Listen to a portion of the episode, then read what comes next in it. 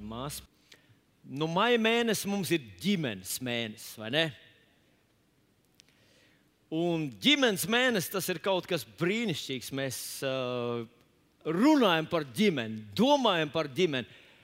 Un, uh, nu, at, revidējam savas attiecības ģimenē, mēs paskatāmies uz sevi no malas, uz savu ģimeni no malas un, un cenšamies to uzlabot.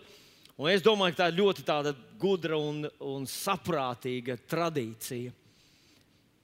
Un es atceros savu, savu uh, jaunību.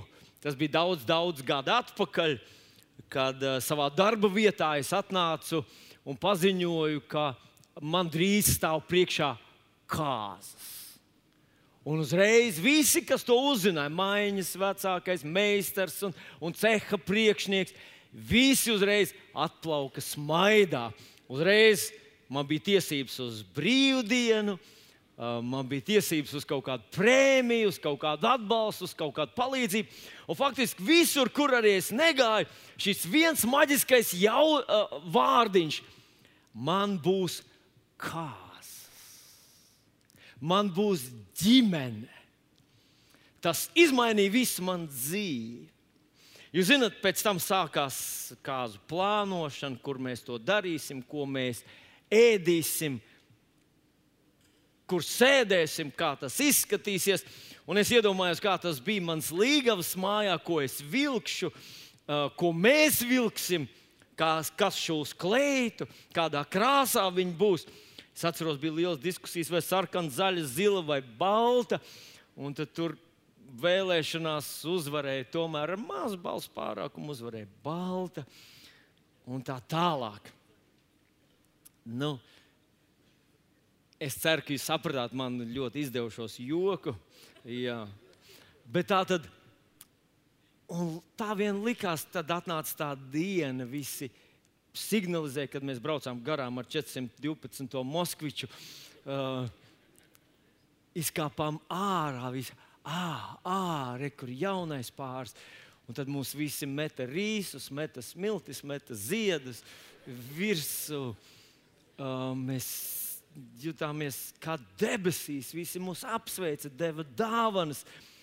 Visu to vakaru tur visi mums kaut ko vēlējas galva bija dūla no tiem vēlējumiem. Bet, bet es domāju, kur es biju agrāk, sen vajadzēja apprecēties, paskaties. Visi nāk ar kastēm, pakām, dāvanām. Visi vēl, visi smaida, visi. Pirmo reizi mums bija veltīts dzējols. Viens no dzējniekiem bija uzrakstījis tādu dzējolu apmēram. Mm. Līga viļņo, viļņa viļņos vilnis līgo līgas līgā. Es centos saprast, ko viņš ar to grib teikt, bet es tā īsti neiebraucu. Es vēlāk es domāju, līgas līgā viņš līgo, viļņa, viļņo, viļņa, viļņos. Tam jābūt kaut kam labam. Tā likās, ka turpmākā dzīve būs viena vienīga svētki. Un tiešām bija vienu dienu, vienu dienu mans dzīves draugs teica, ka mums būs bērns. Bērns, ko nozīmē bērns? Pirmo reizi manā dzīvē man paziņoja, ka man būs, man būs bērns. Un ziniet, ko visi, kam mēs pateicām, ka mums būs bērns, smaidīja, un atkal brīvdienas, un atkal prēmijas, un atkal atbalsts, atkal dāvāns, atkal ziedi ugh, ratiņi, drēbītes. Cik mēs stundas nepavadījām pie dažādiem plauktiņiem, kur man dzīves draugs vērtēja visādas kombinācijas, visādas. Tas vēl bija tas īpašais laiks. Jā, tas bija vēl tas īpašais brauks, kad vien, vienīgi autiņi bija un slavu Dievam, ka bija. Jā. Jo varēja arī nebūt. Nu, Vienvārdu sakot, gribas teikt, ģimene. Ah. Kādreiz skatos uz jauniešiem, un es domāju, vakar sēdēju Alfā. Kafejnīcā, un es tā uz mirkli aizsēdējos un sāku skatīties apkārt uz cilvēkiem, kā viņi steidzās, iet augšā, iet lejā, tur visi kaut ko meklē. Un tad man uzmanību pievērsa jaunieši. Pievērsa uzmanību jaunām meitenēm, spilgti uzklāsotām lūpām. Viņas dodas pasaulē. Viņas meklē noteikti iespējams, ka es kļūdos, es esmu vecāks cilvēks, es vairs tik daudz ko nezinu par jaunību, bet, bet es domāju, ka arī viņu sapnis ir ģimene. Vienu dienu kāds puisis man sauks par savu, viņš satvers manu roku, viņš ilgosies pieskarties manām spilgti uzkrāsotajām lūpām. Viņš vēlēsies mani nest cauri visu dzīvi. Viņš dāvinās ziedus, būs gredzens, kāzas, plānošana, kur mēs sēdēsim, kā dekorēsim. Ak, brīnišķīgi ir dzīve, attiecības, ģimene. Un tad būs bērniņš, un tad mēs tumsim ratiņus. Kādas ratiņas mēs pirksim, ak, Dievs! Tas taču ir Es redzēju kādu Lielbritānijas šovu, kur, kur līgavainim pašam jāuztais kāzas un tā tālāk. Un tad tas diktors saka, meitene ir uztraukusies, ko viņa vilks savas dzīves svarīgākajā. Iebiks tam, kurš sēž tev blakus. Svarīgākā nav mirstam diena, bet svarīgākajā dienā. Un tad meitene saka, es ceru, ka viņš nesabojās iet doma par nākamo vīru, ka viņš nesabojās manas dzīves nozīmīgāko dienu. Uh, ģimene, ak, uh, aleluja! Tas ir tas, kāpēc mēs dzīvojam. Toreiz, kad mēs bijām jauni un skaisti, mēs tā taču domājām, vai ne?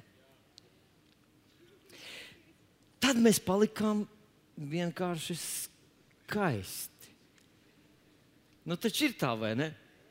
Pat es no rīta šodien izmazgāju matus, iesmērēju kondicionieru, visas. Lai būtu skaists jūsu priekšā. Es ceru, jūs novērtējat to.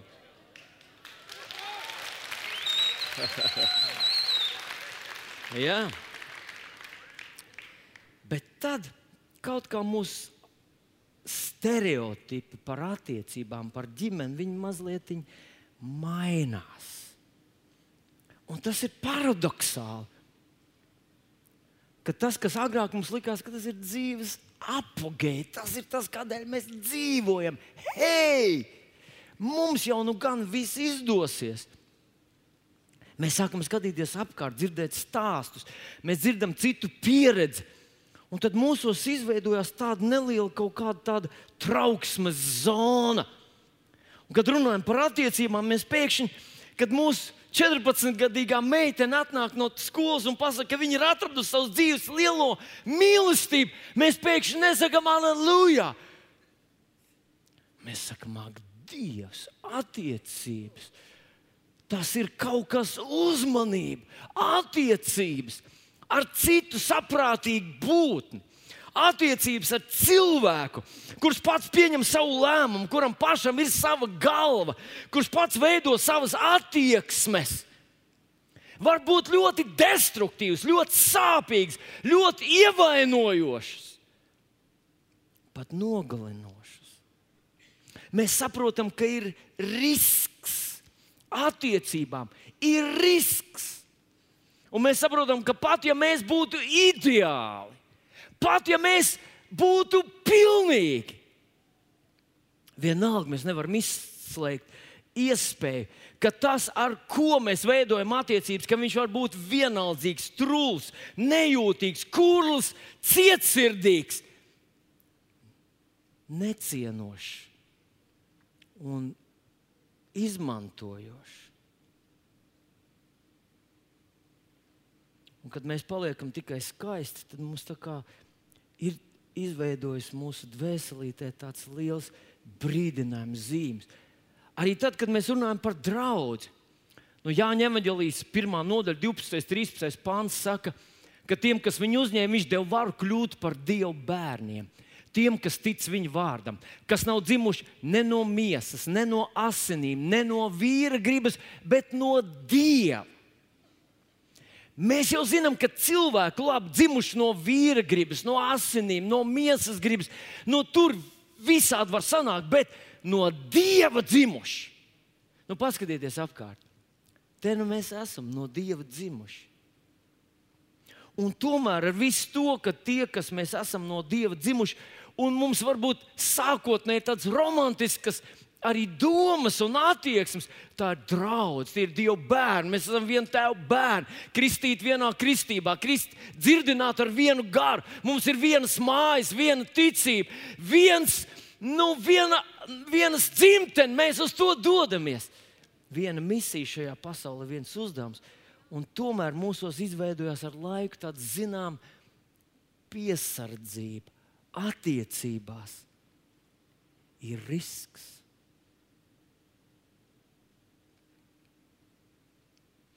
Un, zinot, man domājot par šo te, es sāku domāt par vienu personu, personību drīzāk, varbūt daudz vairāk kā personību, kas visvairāk ir piedzīvojis šo attiecību nodevības.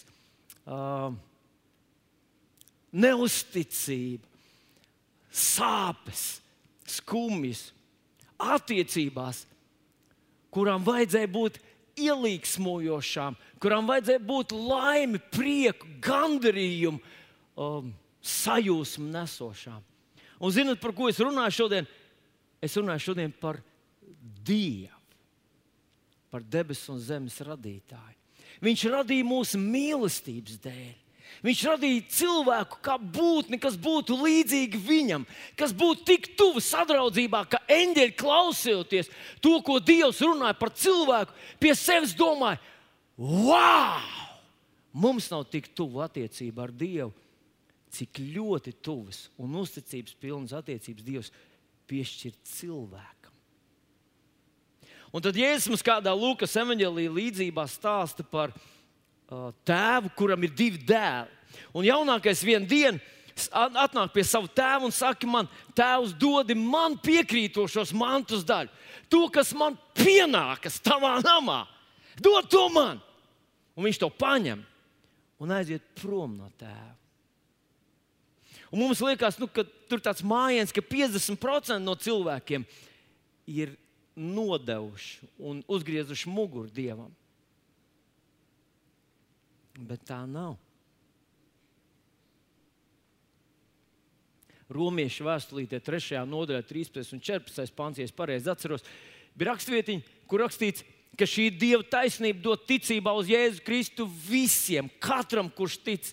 Jo tur nav nekādas starpības, jo visi ir grēkojuši. Un visiem trūks dievišķās taisnības, dievišķās godības.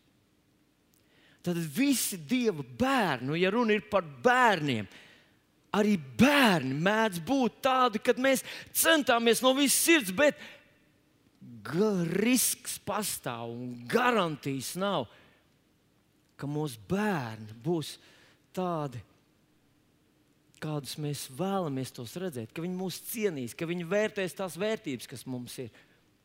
Un man nācās piedzīvot, ka tādu interesantu atklāsmu un šoku ar vienu no maniem kursu biedriem, ar kuriem mācījos teoloģijas fakultātē.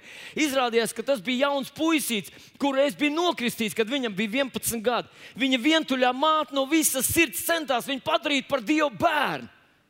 Viņa to nu, ilgojās, tas bija viņas sirds sapnis. Viņa viena rūpējās par savu dēliņu.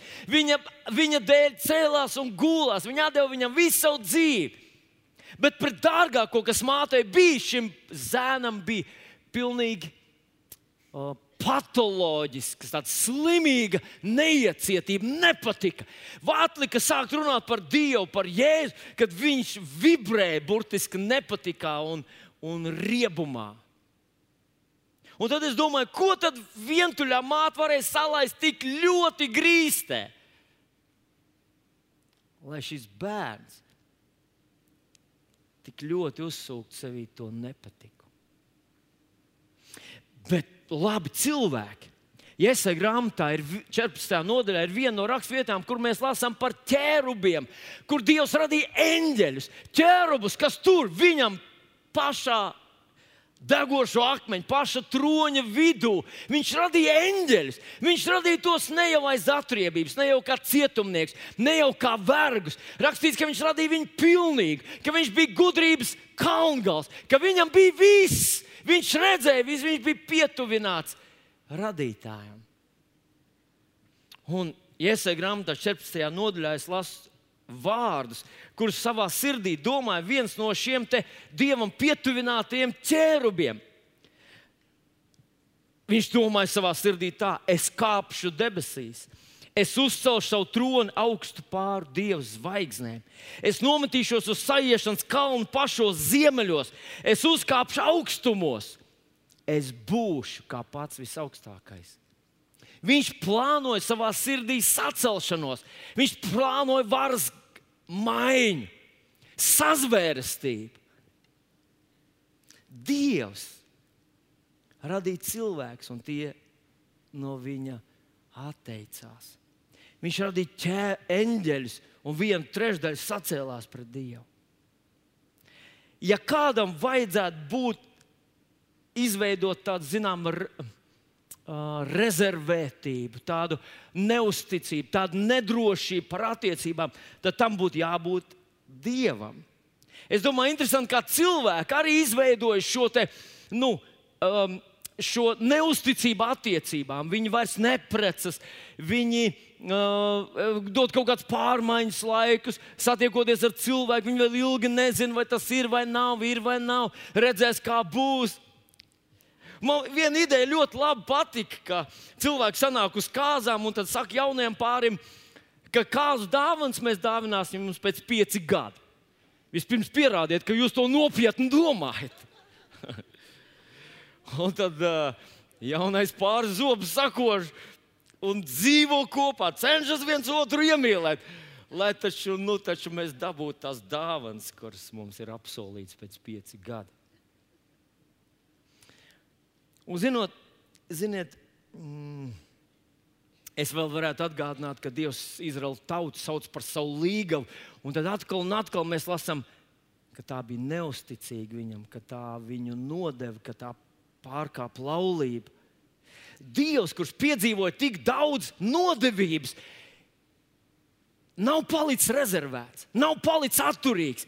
Nav palicis Dievs, kurš saka, tā, es vispirms gribu redzēt, ka tu man pierādīsi savu uzticību 50 gadus. Un tad, ja tu 50 gadus man kalpos, un man mīlēs, un man ticēs, un nepārkāps man bausli, tad es tevi pieņemšu par savu bērnu un izglābšu. Dievs tā nedara. Viņš vēl aizvien ir mīlestība. Viņš vēl aizvien saka, ka ik viens, kas piesaugs tā kunga vārdu, tiks izglābts romiešiem 10, 13. Es domāju, ka jāmācās no pašiem, pašiem labākajiem. Un, ja Dievs tā dara, acīm redzot, ka tā ir pareizi, un acīm redzot, mīlestībai, attiecībās, attiecībās starp dzīves draugiem, attiecībās ar bērniem, attiecībās ar Eh, starp draugu locekļiem, starp diviem kristiešiem. Mīlestība ir gudrākais, ko mēs varam darīt, jo Dievs tā dara. Un tad man nāk prātā vairākas rakstu vietiņas. Un, piemēram, 1. Jāņa eh, vēstule 4. nodaļa 16. pāns. Mēs esam atzinuši un ticam mīlestībai. Paklausies, ticam mīlestībai. Kādreiz kliķi dziedāja šo dziesmu, es ticu mīlestībai. Atcerieties, kas ir kliķi? Kliķi 116. Nu, bija ļoti populāra grupa, dziedāja, es ticu mīlestībai. E, mēs ticam mīlestībai, kas Dievam ir uz mums. Dievs ir mīlestība, un paklausies, kas paliek mīlestībā. Kas paliek mīlestībā? Kas paliek mīlestībā, tas paliek Dievā. Tas draugs, Un es lieku pēdiņās to domu.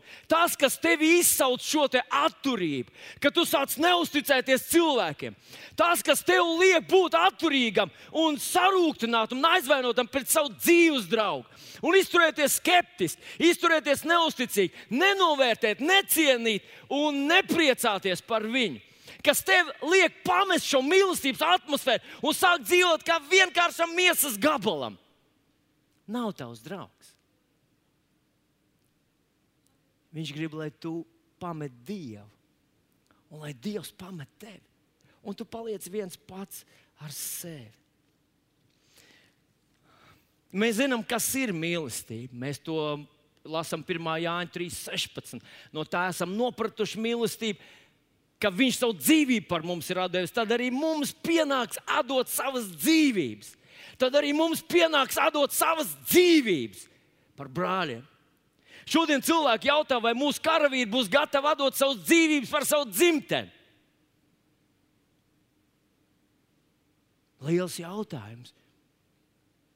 Bet vēl lielāks jautājums, vai vīrietis ir gatavs atdot savu dzīvību par savu ģimeni? Un nē, es jau nerunāju par karu lauku, es runāju par to ikdienas dzīvi. Ziniet, ir interesanti, Tad, kad mēs bijām jauni, to pavēlu, kur rakstīts, vīri mīliet savu sievu, man liekas, ak, Dievs, kā Dievs var uzrakstīt tik tukšu pavēlu. Es gribētu teikt, ļaujiet man mīlēt savu sievu. Bet gadiem ejot, gadiem ejot, tu saproti, ka ir tik daudz šķēršļu, tik daudz izaicinājumu, kas tev liek no. no atteikties no tā, pazaudēt šo attieksmi. Es mīlu tevi, sieviete, es mīlu tevi, es mīlu tevi, es mīlu tevi, kad tev bija 16, 18, 28, 38, 78, 98. Es mīlu tevi.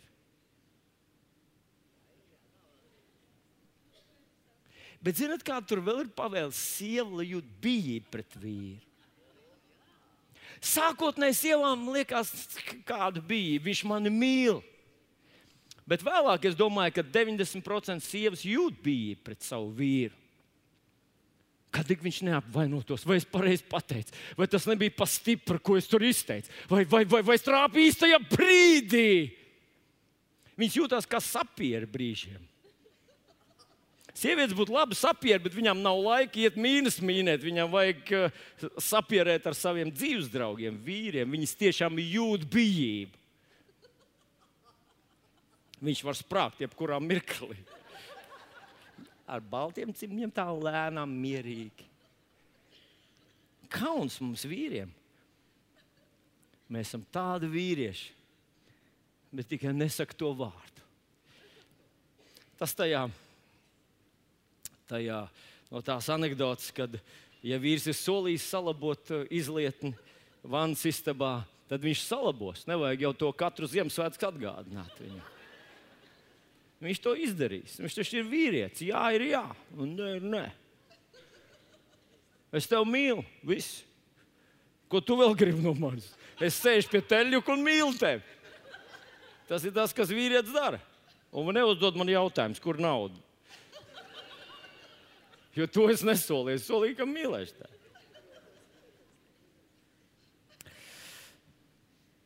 Atdot savu dzīvību. Paklausieties, mīļie draugi Kurš no tā ir lielākais ieguvējs?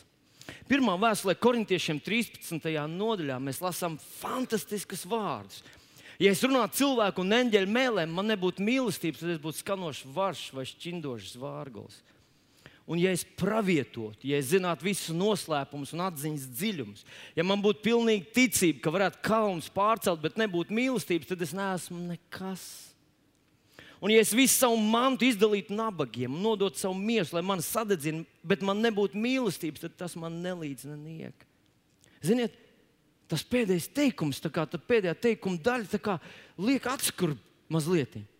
Man nelīdz neniek. Tas nozīmē, ka, ja es rīkojos mīlestībā, tas man pašam līdz, vai tas līdz man pašam? Mēs jau esam dzirdējuši, ka Tie, kas mīl ar gripu, neslimo. Izrādās, ka tas ieguvējs ir nevis tas, kuru tu mīli, bet tu pats esi ieguvējs. Cilvēks, kurš nesarūktinās, cilvēks, kurš nav vienaldzīgs, vīlies, tāds aizvainots kamils, kurš vienkārši iet pa dzīvi, pats savā nodabā, un viņam vienalga par visiem pārējiem. Viņš ir ieguvējis pats. Manā prātā, islāma teroristu pašnāvnieki. Tas bija misēklis. Vairāk mums nevajag. Es kontrolēju to.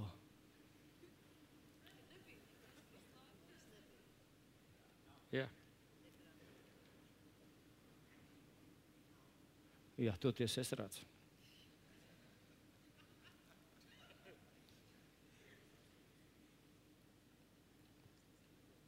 Tie islāma teroristi, viņi iet un upurē savu dzīvību kādēļ? Sevis dēļ. Viņam sola veseli 70 jaunavus, kas viņu gaidīs vienā gabalā. Un tad viņam būs šāds spējas, tādas, ka trīs gadus no vietas vienā. Nu, es arī saprotu, par kādām spējām. Saskaņā ar Bībeles tekstu, ja viņi to dara sevis dēļ, viņiem tas nelīdz neniek. Ja mēs kaut ko darām sevis dēļ, es mīlu tevi sevis dēļ. Es, un te var būt tā, tā, tā precība lieta, varbūt, kamēr mēs esam jauni, mēs varbūt nesaprotam īsti, neapzināmies. Mēs to darām sevis dēļ, sevis dēļ. Sevis. Mēs sakām komplimentus, kāpēc tai otrai pusē. Mums ir tālujoša nodoma. Sevis dēļ. Tas neko nelīdz. Vai es spēju mīlēt savu dzīves draugu. Vai man viņš patīk, vai es varu noskaņot savu sirdi tā, vai es varu atgriezties pie viņa atpakaļ savā dvēselītē un iemīlēt viņu vēlreiz. Un man viņš iepatīkās, un mēs viņu baudām. Es priecājos par viņas balss tembru, un priecājos par viņas klātbūtni, priecājos par viņas aizrādījumiem, par viņas rūpēm par maniem. Es runāju arī šajā gadījumā par savu dzīves draugu. Viņa rūpēs par mani. Viņi rūpēs par mani, un vienā dienā es sadusmojos, ka viņi rūpēs par mani. Viņi saka, Vilni, tev nevajag tik daudz cukuru. Un man sanāca dusmas.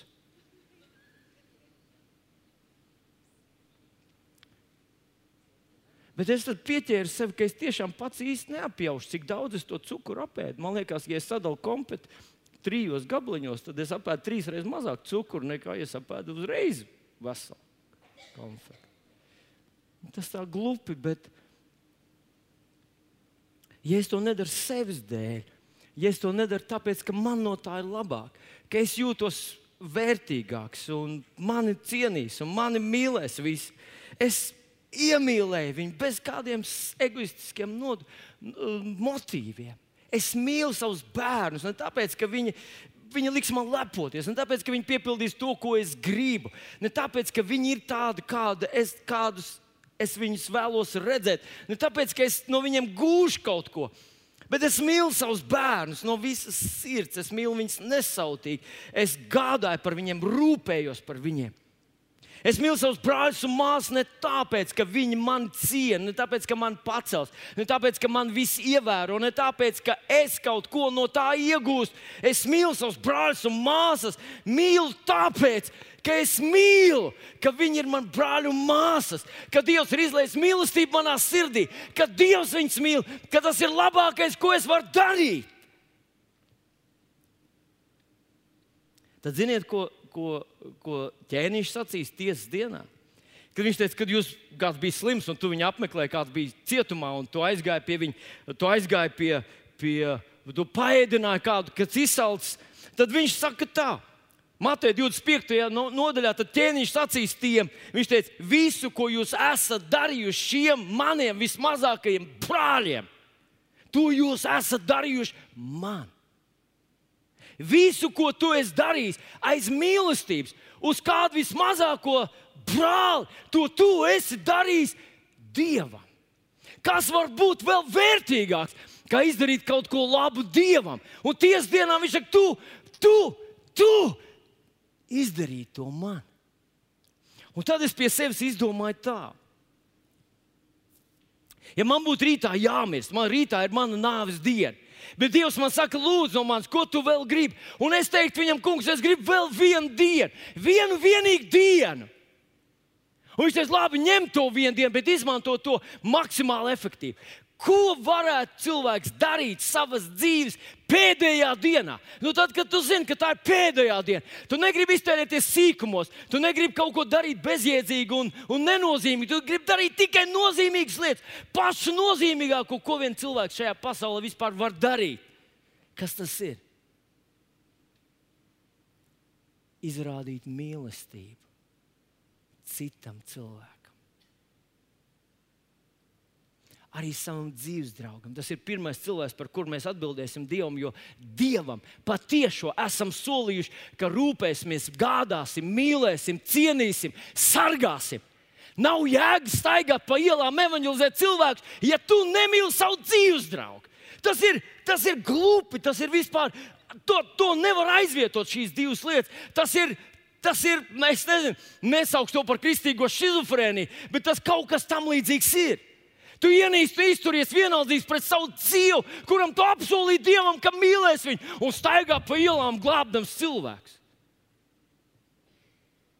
Vispirms, lai tavu bērnu ieraugtu tevi kā īstu kristieti. Vispirms, lai tavs dzīves draugs, tavs vīrs vai tavs sieva ieraugtu to, ka tu spēj mīlēt arī tad, ja tev uzreiz negāž atpakaļ visu, visu nu, pretējā virzienā. Un tad ķēniņš sacīs, tu to darīji cilvēkiem, un viņi to nenovērtē. Tas viss trāpīja man. Wow. Ja tev ir atlikusi pēdējā diena, ko dzīvot, es zinu, ka nav neviens tāds, bet es tīri teorētiski gribētu runāt. Labākais, ko tu vari darīt, nesautīgi, patiesi, īsti, ne vārdos, ne, ne, ne manipulēdams, ne kādam pierādīdams, ka tu esi labāks uh, par kādu citu, bet patiesi mīlēt cilvēku, kas tev ir blakus, arī tavā draudzē. Ķēniņš teica, ka tam ir simtprocentīgi garantīva. Tiesas dienā viņš tev to pieminēs un teiks, tu pareizi darīji, ka man dāvināja savu mīlestību. Mīlestībai ir simtprocentīga garantija. Jā, bet Vilni, ja es būšu tāds mīlošs, ja es būšu tāds ļoti, ļoti mīļš, ļoti uh, dāsns un ļoti dodošs, vai tad negadīsies tā, ka man izmantos? Vai ir iespējams tā, ka ja es būšu tāds patiess, patiesi mīlestības pilns cilvēks, tad tā otra puse, vai tas ir brālis vai māsa, vai tas ir mans bērns, vai tas ir mans dzīves draugs, vai vienalga kā cits cilvēks, man vienkārši izmantos. Noslaucīs pret mani kājas un aizies. Vai tas ir iespējams?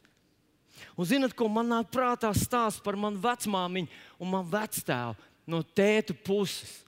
Mans vecāks bija pilnīgs dzērājs. Viņš bija uzdzīvotājs un viss ko alkohols sabojāja viņa raksturā, tas viss tur bija. Viņš bija neusticams, viņš bija uh, negādāja par savu ģimeni, viņš bija uz kakla savai sievai un saviem bērniem. Un viņš tāds bija līdz pat savas dzīves beigām. Un man vecmāmiņa bija dievbijīga sieviete. Viņa ticēja, viņa lūdza, viņa kalpoja savam dzīves draugam. Nu, gluži tā kā, tā kā uh, mēs runājam par mīlestību, kas atdod savu dzīvi tam otram cilvēkam un uz savas nāves gultas viņš sauca, brēca, lūdza, asarām, lūdza, plūstot. Viņš lēca sieviņu, piedod man, piedod man, piedod man. Bet jā, tas ir iespējams, ka kāds tevi izmanto visu dzīvi. Nav garantijas tam, ka tas cilvēks, kuram ir kaut kāda ir, ir liela presīta, viņš māca uzvesties un, un, un tā tālāk. Nav garantijas, ka viņš nav kretīns. Un, zinot, ko spilgti krāsots lūps un puscaurspīdīgs topiņš lieliski piestāv arī slinkai un dumjai meitenei. Ar to es gribu teikt, ka attiecībās ir risks. Un ir risks pat, ja tu būsi ideāls, ka tās attiecības vienalga viņas nevērsīsies un nebeigsies labi. No otras puses, Es atceros, bija Nābals un, un viņa atraitne, kur vēl, kur vēlāk apprecēja Dāvids. Un tad mēs lasām par to Nābalu, ka viņš bija skops, viņš bija ļauns un viņš bija dumšs. Bet viņš bija bagāts. Un viņš domāja, ka viņš ir bagāts, tāpēc, ka ir skops un dumšs. Nē, viņš domāja, ka ir bagāts, tāpēc, ka ir skops un ļauns. Viņš nedomāja, ka ir dumšs. Viņš nezināja, ka tur blakus ir dieva vīrs, kas gadiem ilgi sargāja viņa īpašumus un svētīja viņu. Un tad vienā dienā, kad viņš to uzzināja, viņa atraitne, kas bija gudra un skaista, viņam to izstāstīja. Nu, viņa tad vēl nebija atraitne, viņam izstāstīja. Viņš palika bez valodas un nomira pēc trim dienām. Ar to es gribu teikt, ka ļoti bieži tas, kurš mīl, tas, kurš patiesi uzupurējas otru dēļ, viņš piedzīvo pārdabīgu debesu. Nē, debesis nenogalināja nābalu, bet tomēr pārdabīgu iejaukšanās. Spērģents kādreiz teica tā, ka nē, tikai no cukura cilvēks tevi izsūks. Nē, tikai no sīpola veidots cilvēks tevi izspļaus. Un tad viņš teica, tikai kāpos galva ir izveidota no viendabīga materiāla. Tu vari būt, nu, dažāds. Un, mīļie draugi, es šodien centos atrast kaut ko tādu, ar ko man būtu, ar ko es varētu nobeigt savu vārdu, kaut ko tādu, kas, kas, nu, kas būtu kā recepte, kas būtu tā kā tāds, tā kā tāds akords. Kāda tad ir mīlestība? Kāds ir tas pareizais, harmoniskais, līdzsvarotais veids, kā man mīlēt otru cilvēku, pat ja, pat ja nesanāk. Un viņš nav tik atsaucīgs, mums neizdodas sadarboties, bet viņš ir attiecībās ar mani. Un es to atradu. Es to atradu Pāvila, um, Pāvila ieteikumos savam uh, garīgajam dēlam Timotejam. Viņš raksta pantu, kur mēs visi ļoti labi zinām. Es, es esmu to dzirdējis neskaitāms reizes citējam, bet es neapzinājos, ka tur ir iekšā ielikta tā visa tā gudrība, ko ko, ko Pāvils arī saka mums, runājot par mīlestību, par attiecībām starp cilvēkiem. Un tas ir uzrakstīts 1. Timoteja vēstulē, 4. nodaļā, 12. pāns, ar citu ļoti labu vietiņu, kuru uh, atcerēties no galvas. 1. Timotejam 4, 12. Un tad viņš saka, tur tā. Ja tev ir tā bībelīte līdzi, lūdzu, paņem, atver šo vietiņu vaļā, jo es gribu, lai šī vietiņa aiziet tev līdzi, un tu par to pārdomā, kad tu Uh, šovakar, vai varbūt kad tev sanāk šajā nedēļā. 1. Timotejam 4.12. Viņš saka tā, neviens lai nenecina tavu jaunu, jaunību, jaunumu, bet topi tu par paraugu ticīgajiem. Un tad viņš saka vārdos un dzīvē, eh, mīlestībā, ticībā un šķīstībā.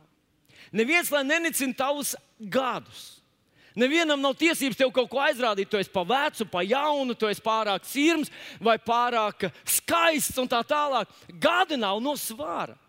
Tad viņš saka, topi par paraugu. Nu, padomāsim par mīlestības paraugu. Parasti mēs gribam, lai mīlestība mums parāda, vai ne?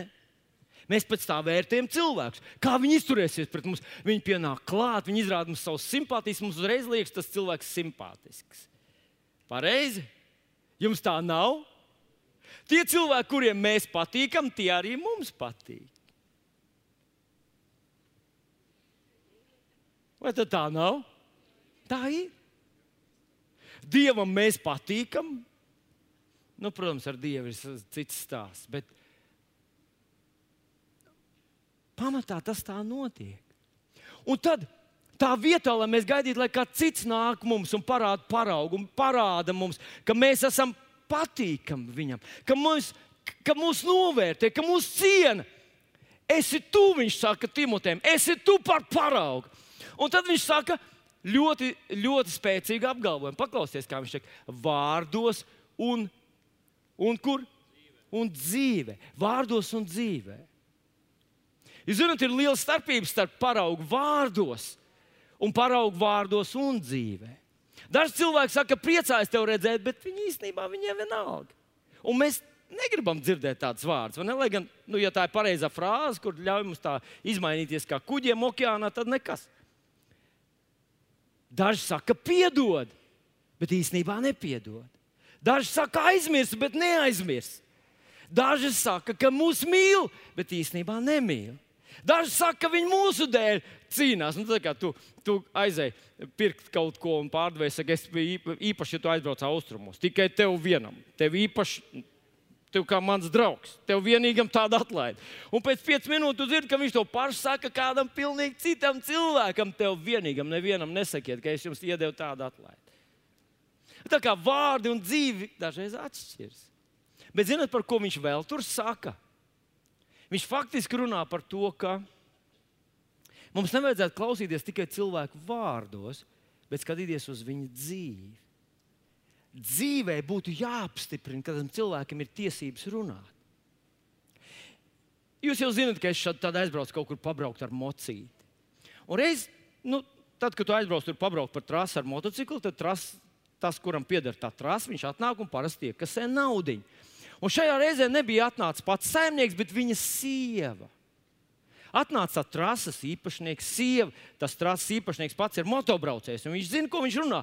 Bet es paklausījos, ka viņa sieva tik precīzi stāsta par to, kur vajag, kā vajag, kur vajag pietupties, kur palikties, kur ko uzdot, kur piebremzēt. Un es pajautāju tai sievietei, vai jūs arī braucat ar motociklu? Viņa saka, nē, es nekad dzīvē neesmu sēdējis uz motocikla. Es saku, kā tad jūs zinat visus šos motobraucēju noslēpumus? Viņa saka, es tos dzirdu no rīta līdz vakaram. Man viņa, es varu naktī pamodiniet man. Tas ir viss, par ko mans vīrs runā. Un tāpēc es jums varu tos atstāstīt atpakaļ. Bet tas būtu līdzīgi kā papagailis. Arī atrodas uh, nu, kaut kur kādā svētā vietā un iznes jāra. Viņš runā, aleluja, amen, šabragale, burbuļnieks, jēlaboroga, degi, Jēzus vārdā. Bet viņš jau nedzīvo to dzīvi. Man ar tā gadījās vienreiz, mēs te sanācām kopā, tad vairāk vīri tur pat prasīja, un es kaut ko sāku tur tā kā tā sieva. O, tur vajag tā, tur vajag tā, un mūsu pašu uldiņš pagriežās manis un vilnu. Nu, baigi iet tev, ja? Un man uzreiz tā, žik! Jo pēc pieciem minūtēm izbraukšu tur trasīt, tad būs skaidri redzams, ka muldēt tā ir viena lieta, un dzīvot ir pilnīgi cita lieta. Ziniet, tāpēc mācītājs tuvumā ir labāks nekā tas mācītājs, kur tu vari atrast YouTube, kurš kaut kur no pasaules otra gala tev stāst, kādi brīnumi ir notikuši viņa dzīvē. Jo tu nevari redzēt viņa dzīvi, tu vari dzirdēt viņa vārdus. Un vispār es tev ieteiktu, ka tu garīgās lietās klausies kādu cilvēku, kurš tā baigi stāst, kā vajag, kā tev vajag. Paskaties ar vienu aciņu uz viņa dzīvi. Vienkārši tāpat paskaties uz viņu dzīvi. Kāda viņa dzīve ir, kāda ir tā augļa, kāda ir rezultāti, cik pastāvīgi, noturīgi, cik satura un jēgas pilna tā dzīve ir.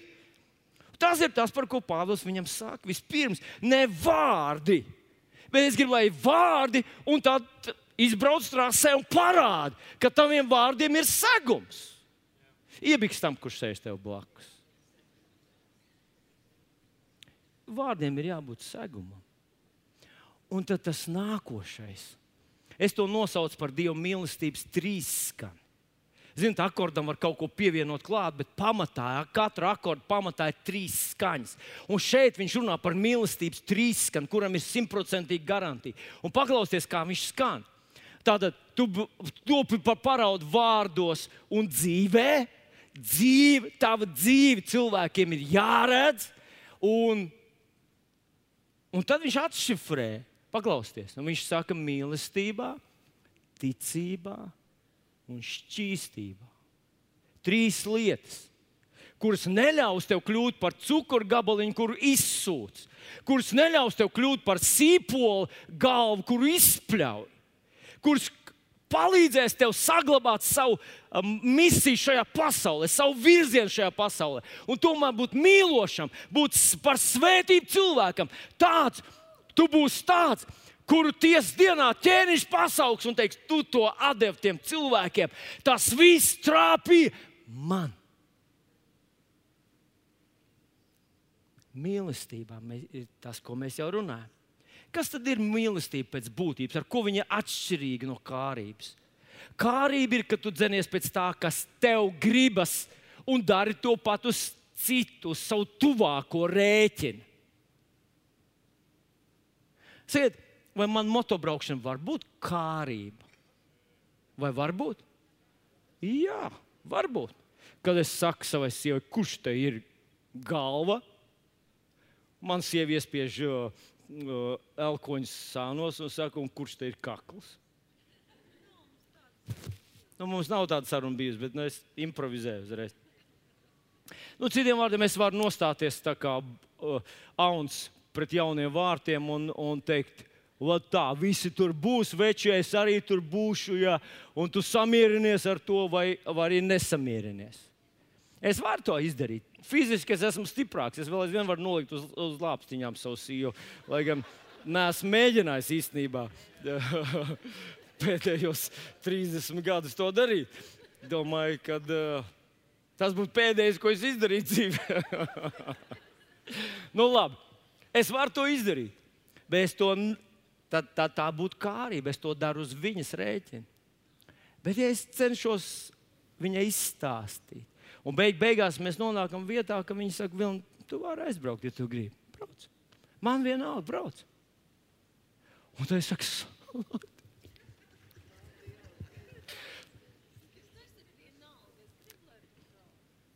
Pasaka vēlreiz. Viņa grib, lai es braucu. Es to daru sievas dēļ.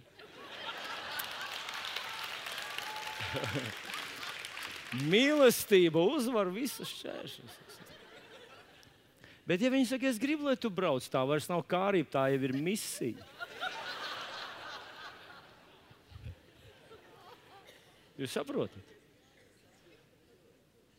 Ir starpība, vai tā ir kārība, un es to daru uz citu rēķinu, par spīti visam. Es daru, tāpēc, ka man tā gribas.